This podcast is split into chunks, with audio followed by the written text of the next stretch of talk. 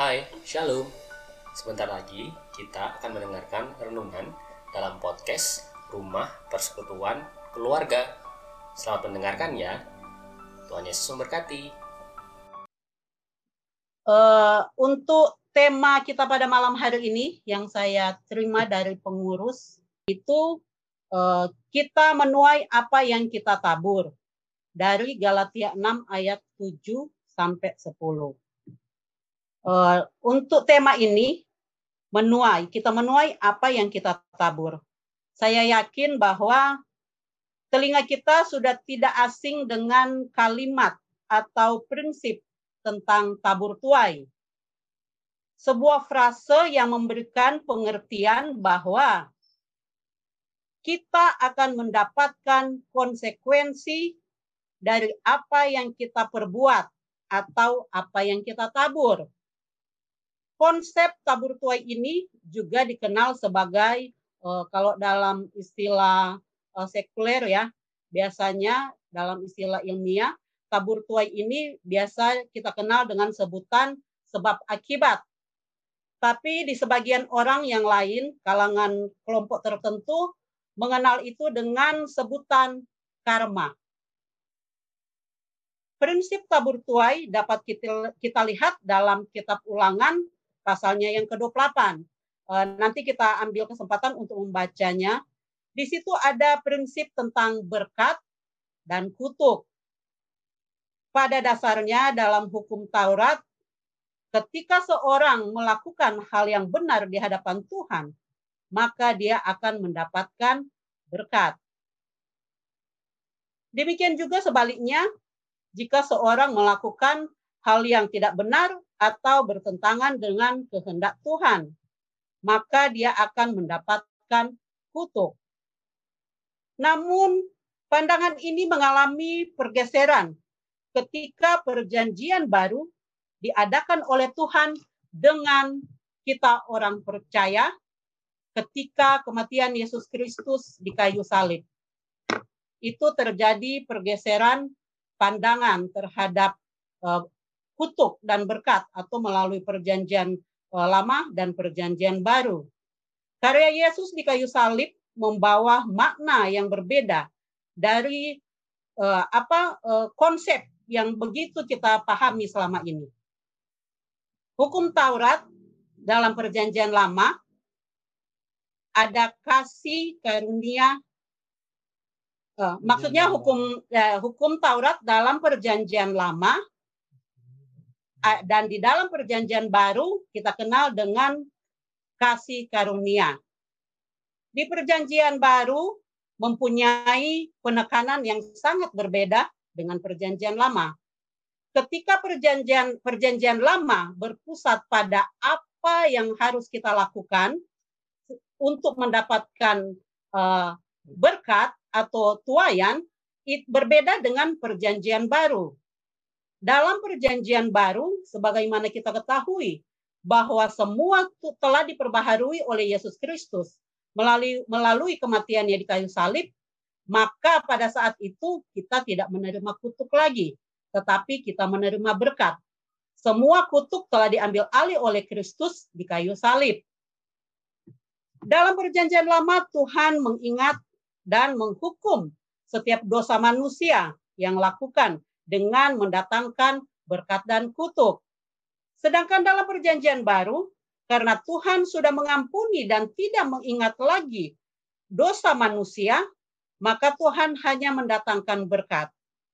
Tidak lagi ada kutuk bagi kita.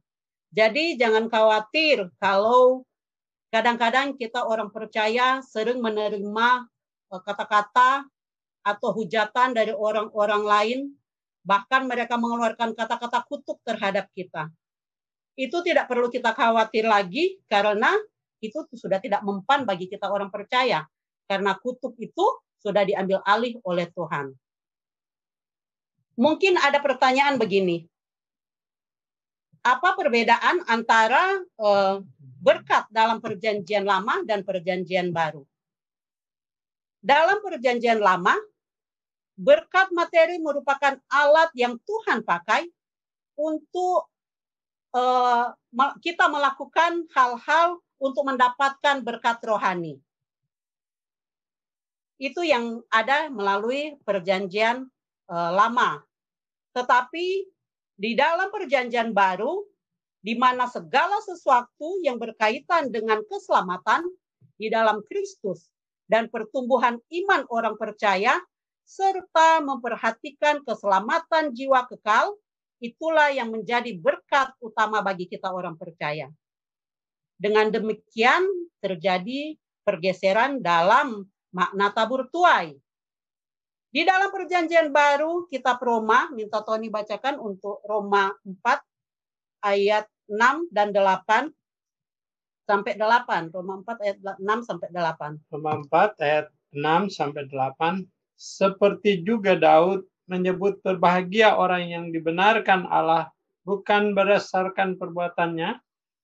Berbahagialah orang yang diampuni pelanggaran-pelanggarannya dan yang ditutupi dosa-dosanya. Berbahagialah manusia yang kesalahannya tidak diperhitungkan Tuhan kepadanya. Terima kasih. Nah, Bapak Ibu, boleh kita melihat dalam perjanjian baru ini, di situ kita memperoleh uh, janji, kita bisa mendapatkan dampak, manfaat, harapan yang berbeda. Ketika perjanjian lama berkata mata ganti mata, telinga ganti telinga, dan tangan ganti tangan, berbeda dengan perjanjian baru. Semua itu berubah setelah apa yang dilakukan Tuhan Yesus di kayu salib. Ada sebuah tuayan yang dicuci ditutupi oleh darah Yesus, kita dapat terima sebagai orang percaya. Ada perubahan mencolok atas hasil tuayan dari apa yang kita tabur. Jadi maksudnya pada perjanjian lama ditekankan bahwa hasil apa yang akan kita terima, taburan, setelah kita menabur, ada berkat, ada hasil yang akan kita terima, Nah, dalam perjanjian itu kita harus upayakan uh, sedemikian rupa untuk mendapatkan berkat itu. Tetapi dalam perjanjian baru, Tuhan sudah berperkara. Sehingga secara tidak langsung atau otomatis berkat yang akan kita terima akan ada uh, campur tangan Tuhan. Kita akan menabur, kita menaburkan kebaikan, dan Tuhan akan ikut campur tangan dalam apa yang akan kita peroleh. Nah, kita lihat bahwa akar dari apa yang menentukan hasil tuayan dan dalam perjanjian baru sangatlah terdampak dari kasih dan kesempurnaan pengorbanan Yesus bagi kita di kayu salib. Kalau dalam perjanjian lama hasil tuayan sangat bergantung dari usaha atau pengorbanan kita untuk mendatangkan kebaikan, dan usaha ini sudah pasti akan gagal. Sedangkan dalam perjanjian baru, Allah secara aktif turut bekerja dalam segala sesuatu untuk mendatangkan kebaikan. Ada dalam Roma 8 ayat 28. Kita lihat bahwa Allah turut bekerja dalam segala sesuatu bagi kita orang percaya untuk mendatangkan kebaikan. Tinggal tergantung kita kita mau menabur apa dan di tempat yang mana kita akan menabur. Walaupun hasil taburan itu tidak sempurna, namun kita dapat bersyukur karena Allah turut bekerja dalam segala taburan kita untuk mendatangkan hasil tuayan yang beda, yaitu kebaikan. Bukti ini dapat eh, kita lihat dari kehidupan Abraham, bapak rohani kita. Abraham beberapa kali melakukan kesalahan. Itu dalam arti berarti dia menabur ya, melakukan kesalahan di mana eh, dia sempat dua kali berbohong tentang istrinya. Tentang istrinya dia mengatakan bahwa itu adiknya. Nah, itu kan adalah hal perbuatan yang tidak benar di hadapan Tuhan. Dia berbohong. Dan hal yang kedua yang dilakukan Abraham adalah melakukan kesalahan dengan menabur di tempat yang salah sehingga lahirlah Ismail. Jadi di situ kita lihat ada hal-hal yang Abraham lakukan padahal dia adalah bapak orang percaya. Tetapi dia tidak luput dari kesalahan dan dosa. Dia menabur, dia salah menabur. Dan kita lihat apakah ada campur tangan dari Tuhan untuk hasil tuayan yang akan Abraham terima? Walaupun apa yang ditabur Abraham terlihat tidak baik, namun kita dapat melihat bagaimana Tuhan Tuhan turut bekerja untuk mendatangkan kebaikan dalam tuayan yang Abraham peroleh. Tuhan sudah membuka jalan bagi kita untuk memperoleh tuayan dalam dalam kekekalan, yaitu kerajaan surga bagi kita orang percaya. Namun terlebih dahulu kita harus mengambil keputusan. Kita harus berjuang untuk menaruh, untuk mem, untuk menguatkan iman percaya kita untuk menerima, mengakui Yesus sebagai Tuhan dan Juru Selamat yang hidup, Juru Selamat satu-satunya bagi kita, itu kita sudah mendapatkan. Dengan hal itu kita eh, sudah akan mendapatkan eh, berkat di dalam kekekalan sebagai anak-anak Tuhan. Orang-orang percaya yang mengakui Tuhan Yesus sebagai Tuhan dan Juru Selamat. Itu baru dengan kalimat, baru hanya dengan uh, rasa percaya diri kita. Rasa percaya kita mengakui Tuhan sebagai Tuhan dan Juru Selamat, sudah pasti kita akan menerima berkat dalam kekekalan. Belum kita menabur, baru mempercayai. Kita lihat bahwa kuasa Tuhan itu sangat baik, sangat indah bagi kita orang percaya. Uh, di sini dikatakan, namun terlebih dahulu kita harus menabur dalam hal keimanan kita kepada Tuhan Yesus. Nah, sebelum kita menabur, sebelum kita uh, melakukan hal untuk mendatangkan buah atau upah untuk apa yang kita tabur, seperti Rasul Paulus mengatakan bahwa ini adalah kesempatan bagi kita. Maksudnya, hidup kita saat ini adalah kesempatan. Hidup kita adalah kesempatan untuk menabur. Dan ada uh, apa yang harus kita tabur? Kita akan lihat ada dua pilihan dalam hal ini di dalam uh, hal menabur. Yang pertama, jika kita menabur dalam kedagingan, maka kita akan menuai kebinasaan. Ini ada dalam Galatia 5 ayat 16 dan 17. Hal yang pertama yang diberikan bagi kita, pilihan bagi kita untuk menabur. Jika kita menabur dalam kedagingan, maka kita akan menuai kebinasaan. Ayat 16 dan 17. Menabur dalam kedagingan merujuk pada kehidupan lama kita yang berdosa, pada kebiasaan hidup lama dan cara pikir serta bertindak yang lama. Ini adalah bagian dari kita yang menginginkan cara kita sendiri dan ingin melakukan kehendak diri sendiri itu keinginan daging. Setiap orang itu kalau orang yang masih suam-suam kuku mengatakan bahwa itu lumrah lah sekali-sekali saya jatuh dalam pencobaan keinginan daging kita dikelilingi dengan kehidupan-kehidupan yang menjanjikan hal-hal yang bisa menjerumuskan kita. Itu adalah uh, keinginan daging. Kalau kita mau menabur da, uh, uh, dalam hal kedagingan, tadi dikatakan bahwa kita akan menuai uh, kebinasaan. Kita dikasih pilihan dalam hal ini.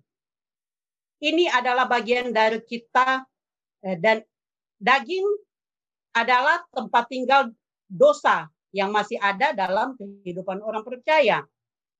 Ini adalah kecenderungan atau dorongan hati yang kuat yang menjadi bagian dari kita yang terus-menerus menarik kita untuk berbuat dosa. Itu yang saya katakan tadi bahwa banyak godaan-godaan di dalam kehidupan ini, banyak hal-hal yang kadang-kadang uh, secara harus uh, menghendaki kita untuk jatuh ke dalam dosa. Itu baik di dalam kehidupan kita sehari-hari dalam bersosialisasi maupun di dalam kehidupan kita di dalam bekerja di lingkungan kerja. Banyak saja godaan-godaan yang timbul. Kalau kita tidak kuat, maka keinginan daging akan terpenuhi. Dan akibatnya kita sudah tahu, kita akan menuai kebinasaan. Kita ingat uh, kisah tentang Yakub dan Esau, anak dari Ishak. Kita mungkin uh, masih jelas sekali kisah tentang hal ini di mana uh, Ishak sebagai anak kedua yang menginginkan, menghendaki berkat uh, hak kesulungan dari Esau. Apa yang dia lakukan terhadap ayahnya yang sudah buta, sudah tua, yang sudah rabun, karena keinginan uh, Ishak ini sangat kuat untuk memperoleh berkat sebagai uh, hak kesulungannya. Uh, maaf bukan Ishak, Yakub. Yakub, Yakub dan Esau, anak dari Ishak. Jadi Yakub mengupayakan hal-hal untuk uh, memperoleh uh, apa berkat hak uh, hak uh, hak berkat sebagai anak sulung Nah, caranya kita tahu bahwa di mana dia uh, menggunakan iya. sarung merekayasa uh, dengan memakai sarung berbulu dan dia mendekati ayahnya menggunakan kesempatan kelemahan ayahnya yang uh, sudah rabun sehingga dia memperoleh berkat dari uh, Ishak sehingga dia diberkati oleh Ishak sebagai anak sulung. Dan itu adalah hal yang tidak benar di hadapan Tuhan. Ishak uh, Yakub menipu Ishak untuk keinginannya ini. Setelah dia mendapatkan berkat, dia pergi melarikan diri atau pokoknya dia pergilah dari tempat uh, keluarganya, dia pergi ke tempatnya Master Laban. Nah, di sana dia bertemu dengan dua anak uh, wanitanya Master Laban ini yaitu Rahel dan Lea. Dan singkat cerita, timbullah keinginan hati dari si Yakub untuk mempersunting anak uh, Mr. Laban ini yaitu Rahel. Dengan ungkapan hatinya ini kepada Mr. Laban, akhirnya Mr. Laban memberikan uh, apa uh, persyaratan bagi Yakub waktu itu. Setelah persyaratan selesai, tiba pada hari hanya mereka melakukan pernikahan yang kudus. Mereka diberkati. Setelah Yakub menyelesaikan ucapan janji nikahnya, maka dia diberi kesempatan untuk membuka cadar pengantin wanita, mempelai wanitanya. Dan apa yang terjadi? Eng ing en, kata orang Manado, satu-satu, satu sama. Yakub mendapatkan hasil yang dia lakukan terhadap ayahnya. Dia menipu ayahnya, dan akhirnya Yakub ditipu oleh Master Laban. Wanita yang dia idam-idamkan adalah Rahel, ternyata yang disandingkan dengan dia adalah Lea. Kita lihat bahwa cepat atau lambat jika kita menabur hal sesuatu hal yang tidak baik, tentunya kita akan menuai juga hal yang tidak baik. Yakub melakukan penipuan terhadap ayahnya dan Yakub kena tipu dari Master Laban. Nah, di situ kita mau melihat bahwa Tuhan sangat menginginkan kita. Banyak contoh yang Tuhan berikan bagi kita supaya hal ini jangan kita lakukan, jangan kita alami. Banyak hal yang sudah menjadi contoh di dalam kehidupan kita sehari-hari. Biarlah itu boleh menjadi pelajaran bagi kita tentang uh, apa yang Yakub lakukan. Dan pada pilihan yang kedua, di situ dikatakan bahwa jika kita menabur dengan kuasa roh, maka kita akan menuai hidup yang kekal. Dari Galatia 5 ayat 22 sampai 23. Sampai sekarang saya masih sulit menghafal ayat ini menurut rumusan Bung Dohar. Kasudase dan seterusnya saya belum hafal betul. Nah, itu rumusan itu adalah buah roh. Dan ini adalah kita akan lihat uh, bahwa buah roh yang ada di dalam uh, ayat 22 23 itulah yang Tuhan kehendaki kita lakukan apabila kita menghendaki taburan atau tuayan yang sesuai dengan apa yang Tuhan inginkan kita lakukan. Menabur dalam roh berarti mencari Allah. Menempatkan pikiran kita pada hal-hal yang dari Allah saja. Dalam Kolose 3 ayat 1 dikatakan Kolose 3 ayat 1 sampai 2. Karena itu kalau kamu dibangkitkan bersama dengan Kristus, carilah perkara yang di atas, di mana Kristus duduk di sebelah kanan Allah. Pikirkanlah perkara yang di atas, bukan oh, iya. yang di bumi. Iya. Mari kita terus giat menabur dalam roh supaya menuai hidup kekal. Dan Tuhan akan memperhitungkan upah yang sesuai dengan apa yang kita tabur selama kita hidup di dunia ini. Jika keselamatan diterima atau kita peroleh dengan cuma-cuma, tidak demikian halnya dengan upah atau tuayan. Ingat, jika keselamatan kita mudah memperolehnya, kita peroleh dengan cuma-cuma karena pengorbanan Tuhan Yesus dan pemberian Tuhan, bukan karena usaha kita. Tetapi untuk memperoleh upah dalam kekekalan, kita harus melakukannya. Ada yang harus kita lakukan untuk memperoleh upah ini.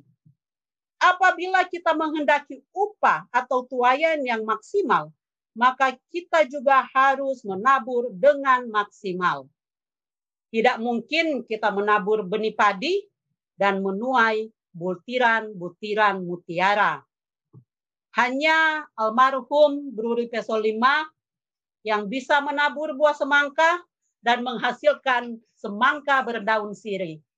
Itu tidak itu adalah hal yang mustahil. Karena kalau kita menabur dalam kedagingan, kita tidak mungkin menuai uh, hal uh, menuai uh, sesuai dengan yang kita tabur dalam hal roh. Itu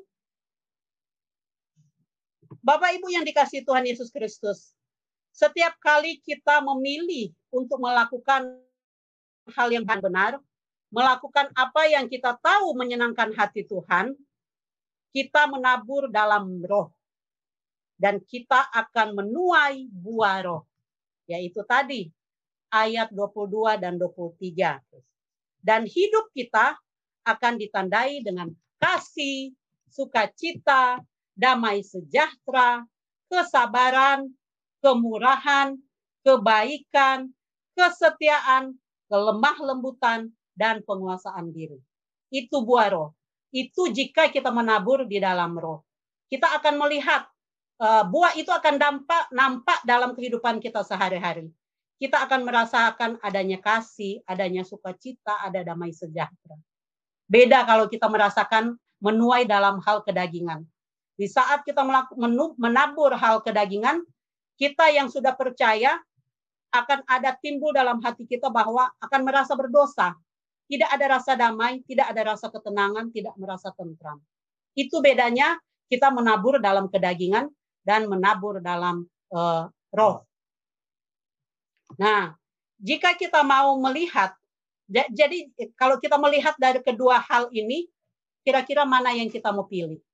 Apakah kita mau menabur dalam kedagingan atau menabur dalam roh? Mari kita lihat dari sudut pandangan Galatia 6 ayat 7 sampai 10. Kita buka Alkitab kita dan kita baca dari Galatia 6 ayat 7 sampai 10.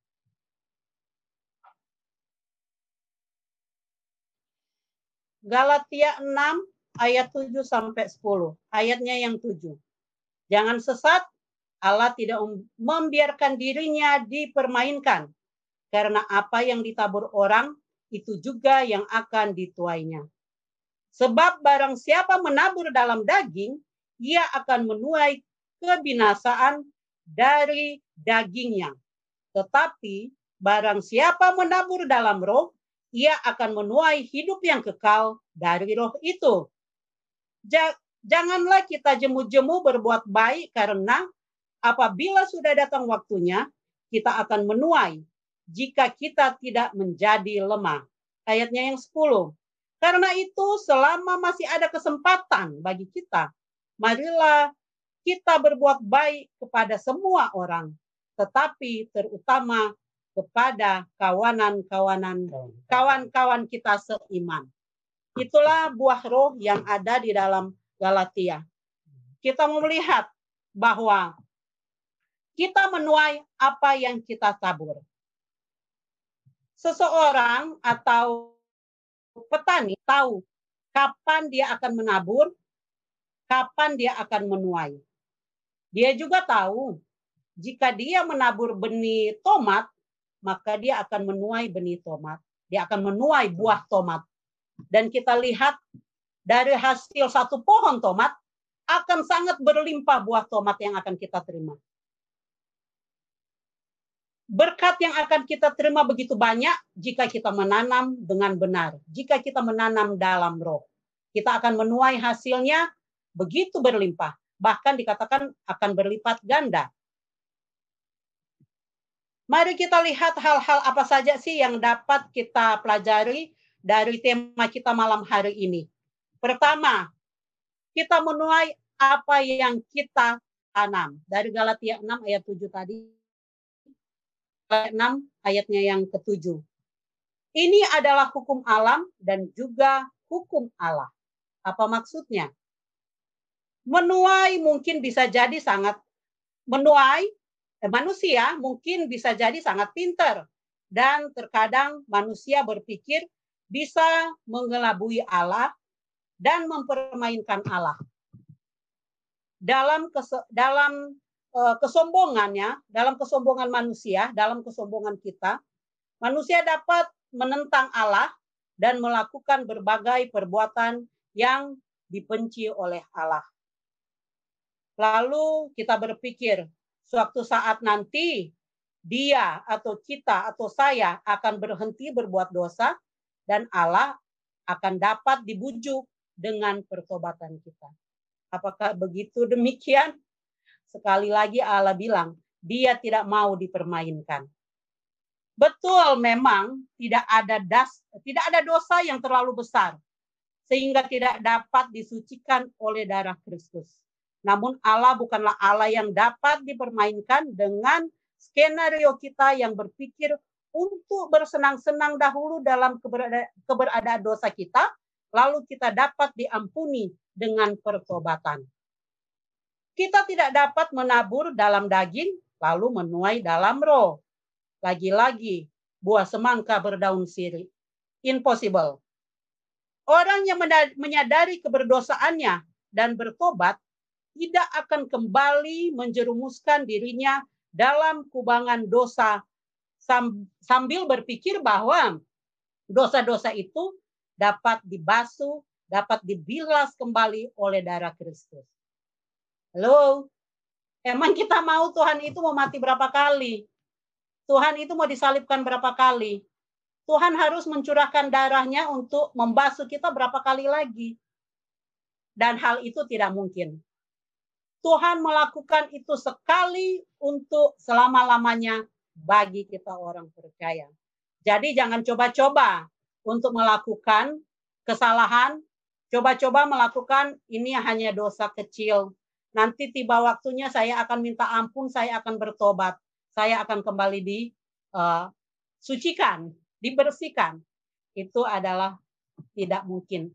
Tuhan bilang jangan mencobai saya. Ingat Allah tidak membiarkan dirinya dipermainkan. Dalam ayat 4 ayat 8 menabur kesu, menabur kesusahan menuai malapetaka. Yang telah kulihat ialah bahwa orang yang membajak ke kejahatan dan menabur kesusahan, ia menuai juga. Prinsip ini sudah jelas bahwa apa yang kita tabur atau tanam, jika sudah tiba saatnya, kita bisa uh, memperoleh buah atau hasil tuannya. Kita tidak bisa menolak buah yang akan kita terima dari apa yang sudah kita tabur. Kadang-kadang kita menyesal ke belakang dan itu memang uh, sifat manusia. Selalu menyesal belakangan. Katanya yang di depan itu pendaftaran. Jadi menyesal selalu belakangan. Jadi jangan sekali-sekali kita sampai menyesal. Kita sudah memahami, kita, kita sudah tahu apa maksud isi hati Tuhan bagi kita maka jangan mencobai Tuhan Allah kita. Seseorang tidak akan menuai jika dia tidak menabur.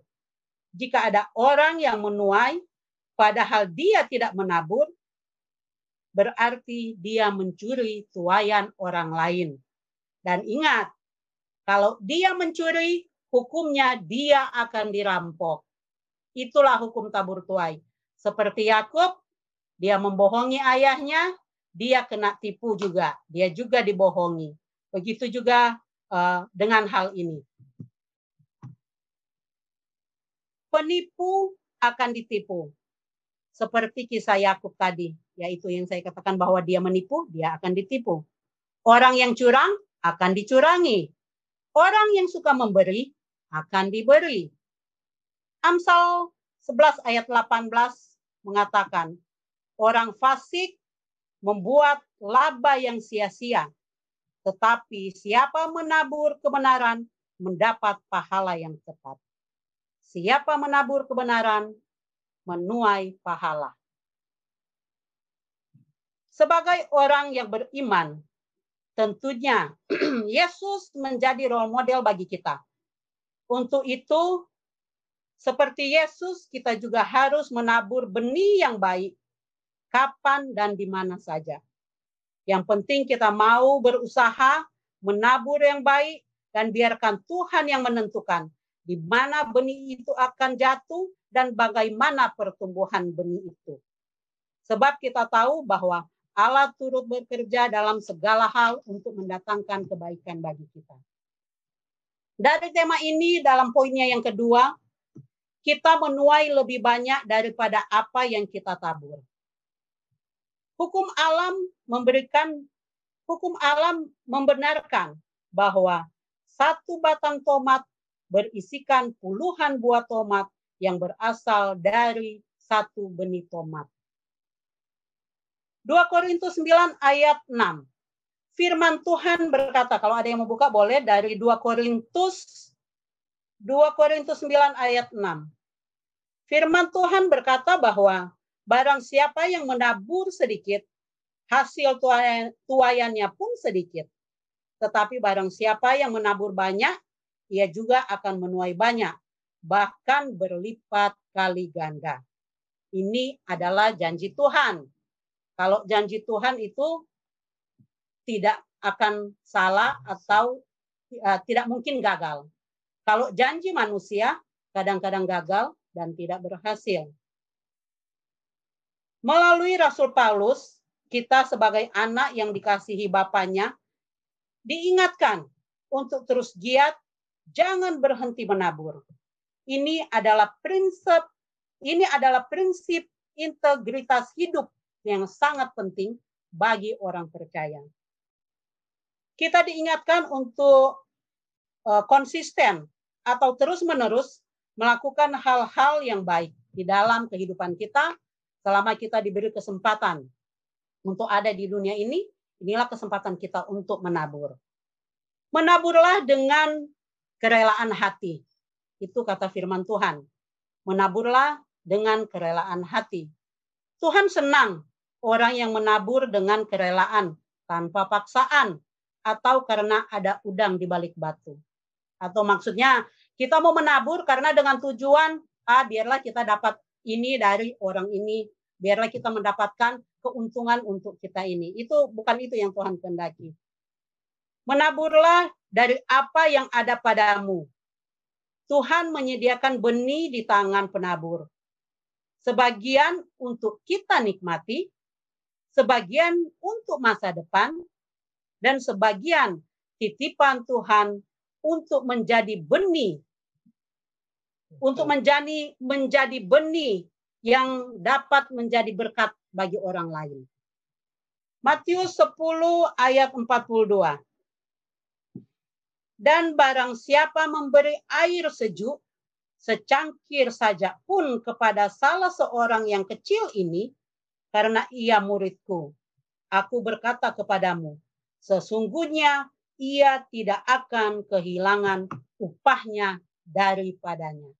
Itu yang dikatakan tadi bahwa ada bagian menabur itu ada bagian-bagiannya. Sebagian untuk kita nikmati sebagian lagi untuk uh, masa depan, sebagian lagi untuk kita bagikan bagi orang lain. Dan jangan khawatir, karena upah itu tidak akan jatuh ke orang di mana kita berbagi, tetapi dia akan merasakan dampak berkat itu. Tetapi upah bagi kita di saat kita berbagi, tetap Tuhan akan perhitungkan. Mari kita terus saling mengingatkan, saling mendukung untuk terus giat menabur di dalam kehidupan kita sehari-hari. Sebab ada masa di mana kita eh, diberi kesempatan untuk menabur, dan ada masa di mana kita tidak lagi ada waktu untuk menabur. Hanya menunggu waktu untuk menuai. Keberadaan kita di dunia ini adalah masa di mana kita uh, diberi kesempatan untuk menabur. Kesempatan untuk banyak-banyak menabur. Kebaikan, hal-hal yang sangat uh, diinginkan Tuhan itulah kesempatan bagi kita untuk menabur. Karena itu akan kita uh, tuai berlipat kali ganda. Sebab pada saat kita melang, uh, ini adalah kesempatan bagi kita karena akan ada masa di mana saatnya kita tidak menabur lagi. Pada saat kita mengalami pengangkatan, di sana tidak ada lagi waktu bagi kita untuk menabur. Jadi Tuhan mengingatkan, Rasul Paulus mengingatkan lewat firman pada malam hari ini bahwa kesempatan itu jangan kita berpikir ah saya sehat, kehidupan saya masih panjang, nantilah besok-besok saya menabur.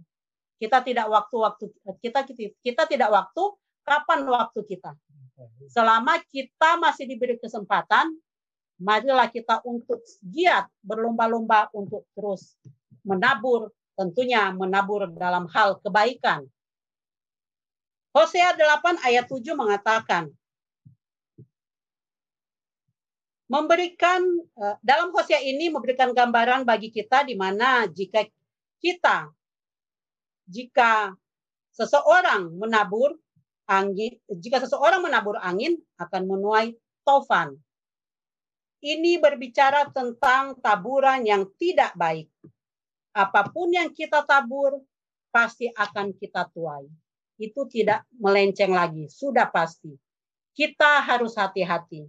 Jangan sampai kita merasa bahwa yang ditabur itu hanya persoalan kedagingan yang kecil dan eh, di depan dan dianggap sangat sepele. Ingat, angin sepoi-sepoi dapat membuat kita terlena karena kesejukan yang dihembuskan yang kita bisa rasakan itu uh, angin sepoi-sepoi itu menimbulkan membuat kita kita terbuai, terlena, lupa bahwa di balik angin sepoi-sepoi itu ada tofan yang mengikutinya. Hati-hati, jangan kita terjebak dengan hal ini. Dan dampak yang ditimbulkan oleh tofan sangatlah luar biasa. Tidak ada satupun yang dapat uh, merubah dampak dari akibat taufan itu. Kalau kita melihat daerah-daerah yang mengalami uh, bencana alam seperti angin puting beliung, kita lihat itu, itu baru bisa dibilang mungkin uh, ada yang lebih besar dari itu. Tetapi kita lihat akibatnya. Banyak kerugian yang bisa kita alami. Banyak hal penderitaan yang kita bisa alami melalui taufan ini. Karena itu, selagi kita masih terus diingatkan, janganlah kita mengabaikan. Dan dari topik ini, dari tema ini. Pada bagian ketiga dikatakan kita menuai kemuliaan, kita menuai kemudian apa yang kita tabur. Kita menuai kemudian apa yang kita tabur sekarang. Seorang petani tahu kapan waktu dan harus menabur dan kapan waktu dia akan menuai. Tidak ada penabur yang mengharapkan hasil pada hari yang sama di mana ia menabur benih. Itu kata pengkhotbah 3 ayat 2. Untuk segala sesuatu ada masanya. Untuk apa pun di bawah langit ada waktunya. Ada waktu untuk menanam, ada waktu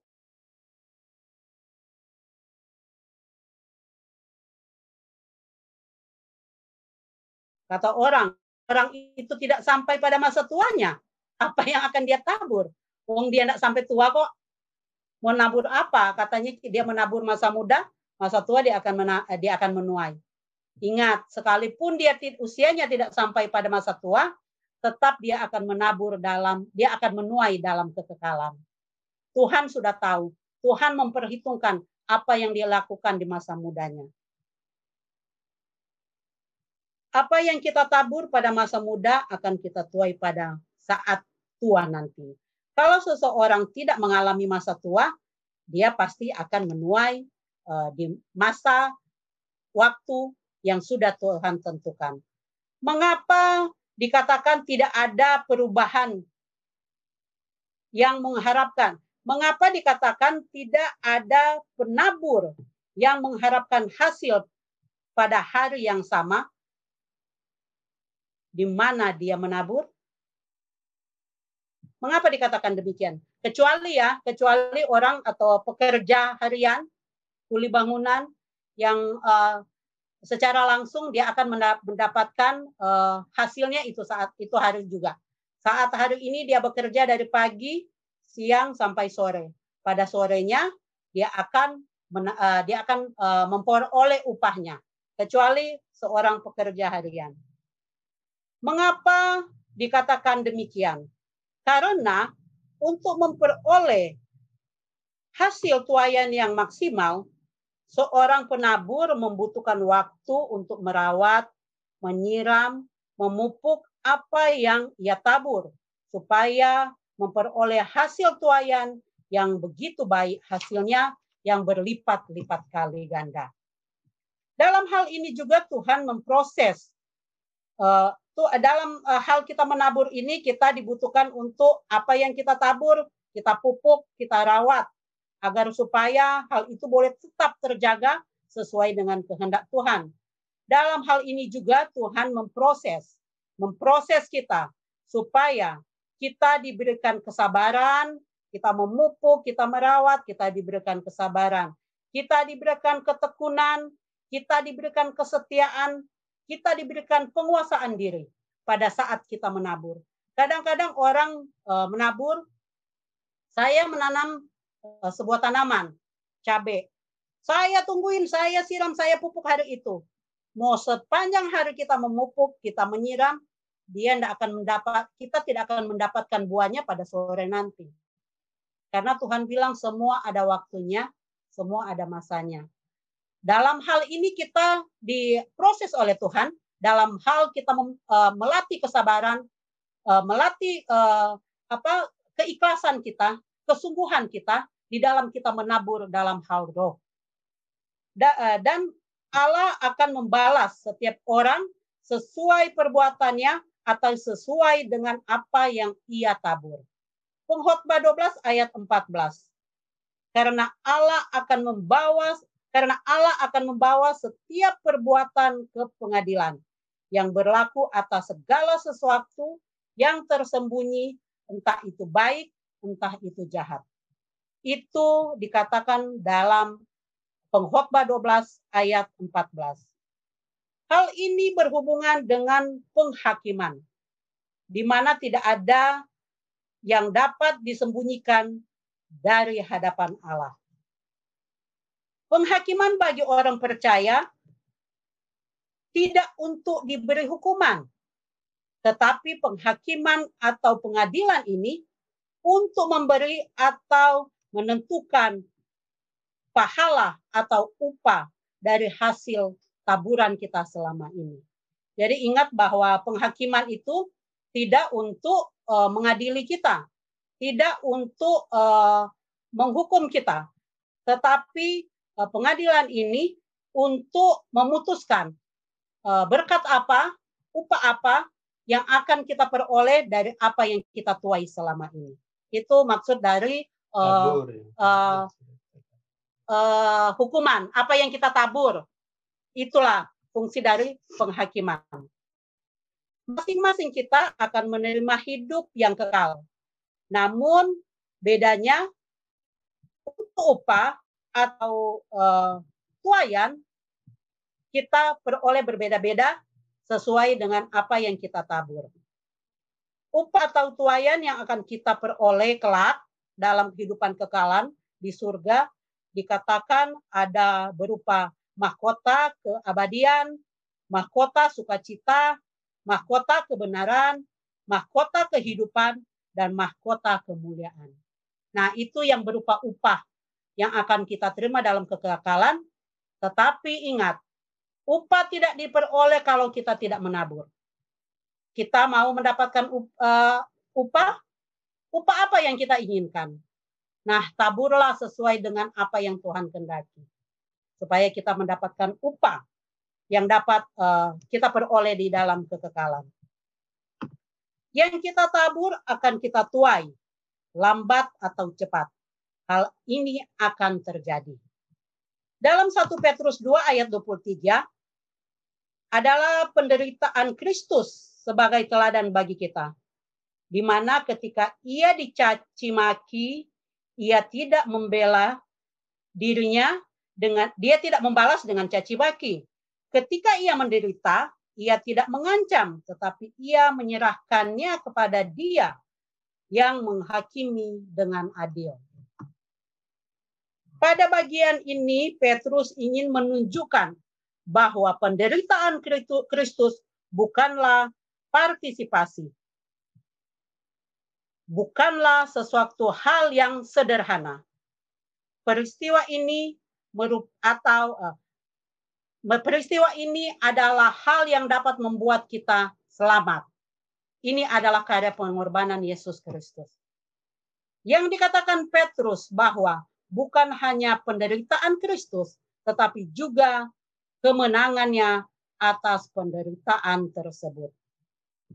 Penderitaan yang Kristus alami bukan karena dia bersalah. Ada dalam ayat sebelumnya yaitu dalam ayatnya yang 22 dari kitab 1 Petrus 2 ayat 23. Kristus tidak melakukan dosa, tetapi ia tetap menanggung penderitaan. Beda dengan kita yang mengaku anak Tuhan, tetapi tidak mampu mempertahankan iman di tengah penganiayaan. Mudah bagi kita untuk berbohong, menyangkal, demi menghindari cacian, hujatan, dan penderitaan atas dosa atau kesalahan yang kita perbuat. Beberapa orang memiliki memilih menyangkal atau berbohong dalam kehidupan sehari-hari hanya untuk menghindari konsekuensi yang tidak mengenakan. Tidak demikian dengan Kristus.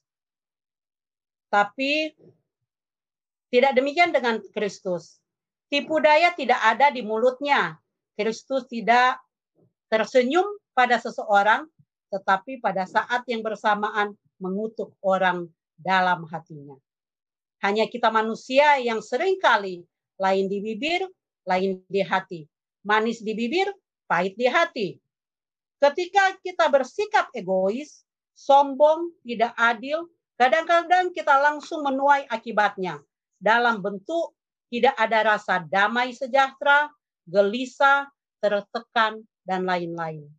Demikian juga sebaliknya, ketika kita mampu memaafkan, membantu seseorang dengan apa yang kita miliki dengan keterbatasan, saat itu juga ada rasa sukacita, damai, dan bahagia. Inilah tuayan yang bisa kita rasakan saat itu juga. Hal ini akan diakumulasi oleh Tuhan bagi kita pada saat tuayan besar itu tiba. Saya percaya Tuhan akan memberikan kita hikmat seperti yang telah Ia janjikan, agar kita dapat melakukan hal yang benar dalam setiap keputusan hidup yang akan kita pilih. Walaupun mungkin ada beberapa kesalahan saat kita menabur, namun janganlah berhenti berharap sebab ada kasih ada kasih karunia Tuhan yang dapat memberikan hasil tuayan yang berbeda kelak. Bahwa Tuhan dapat mendatangkan kebaikan pada akhir kehidupan setiap orang percaya. Dan keyakinan inilah yang memberikan pengharapan bagi kita. Setiap orang percaya dalam menghadapi kehidupan ini. Jadi Bapak Ibu yang dikasihi Tuhan, mari kita menyenangkan hati Tuhan dengan terus semangat dengan terus berbagi, berbagi kebaikan, dengan terus menabur kebaikan, sehingga kita kelak menuai apa yang kita harapkan, yang tentunya sesuai dengan apa yang kita tabur. Kiranya Tuhan memberkati kita dan memberikan kekuatan bagi kita di dalam menjalani kehidupan kita dan kita terus diingatkan untuk menabur dalam hal kebaikan. Mari kita berdoa.